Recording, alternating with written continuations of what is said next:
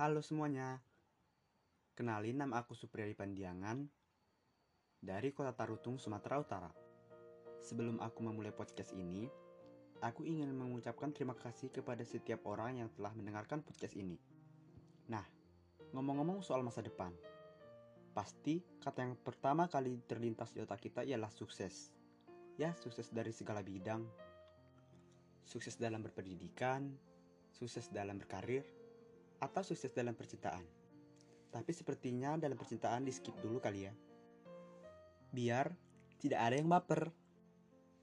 Kita kembali aja deh ke topik kita yang tadi, future plan.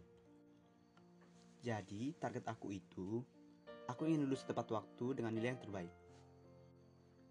Diterima bekerja di perusahaan besar, atau malah kuliah S2 di luar negeri. Ngomong-ngomong soal kuliah di luar negeri, aku pengen banget kuliah di Jerman. Entah kenapa, aku sangat suka sekali dengan negara itu.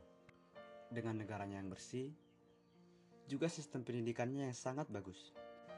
Tapi, aku punya keinginan yang paling besar. Aku bercita-cita sebagai penyedia sarana internet di Indonesia.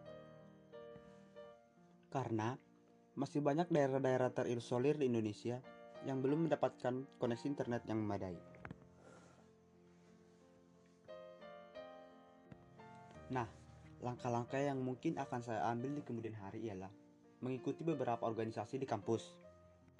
Ya, hitung-hitung menambah pengalaman, memperbaiki public speaking, atau malah nyari jodoh. Enggak, enggak, enggak, enggak. Bercanda-bercanda. Tapi, semua harapan-harapan itu tidak akan tersedia secara instan. Butuh pengorbanan, perjuangan, dan pergerakan dari kita sendiri. Maka dari itu, mulailah dari sekarang.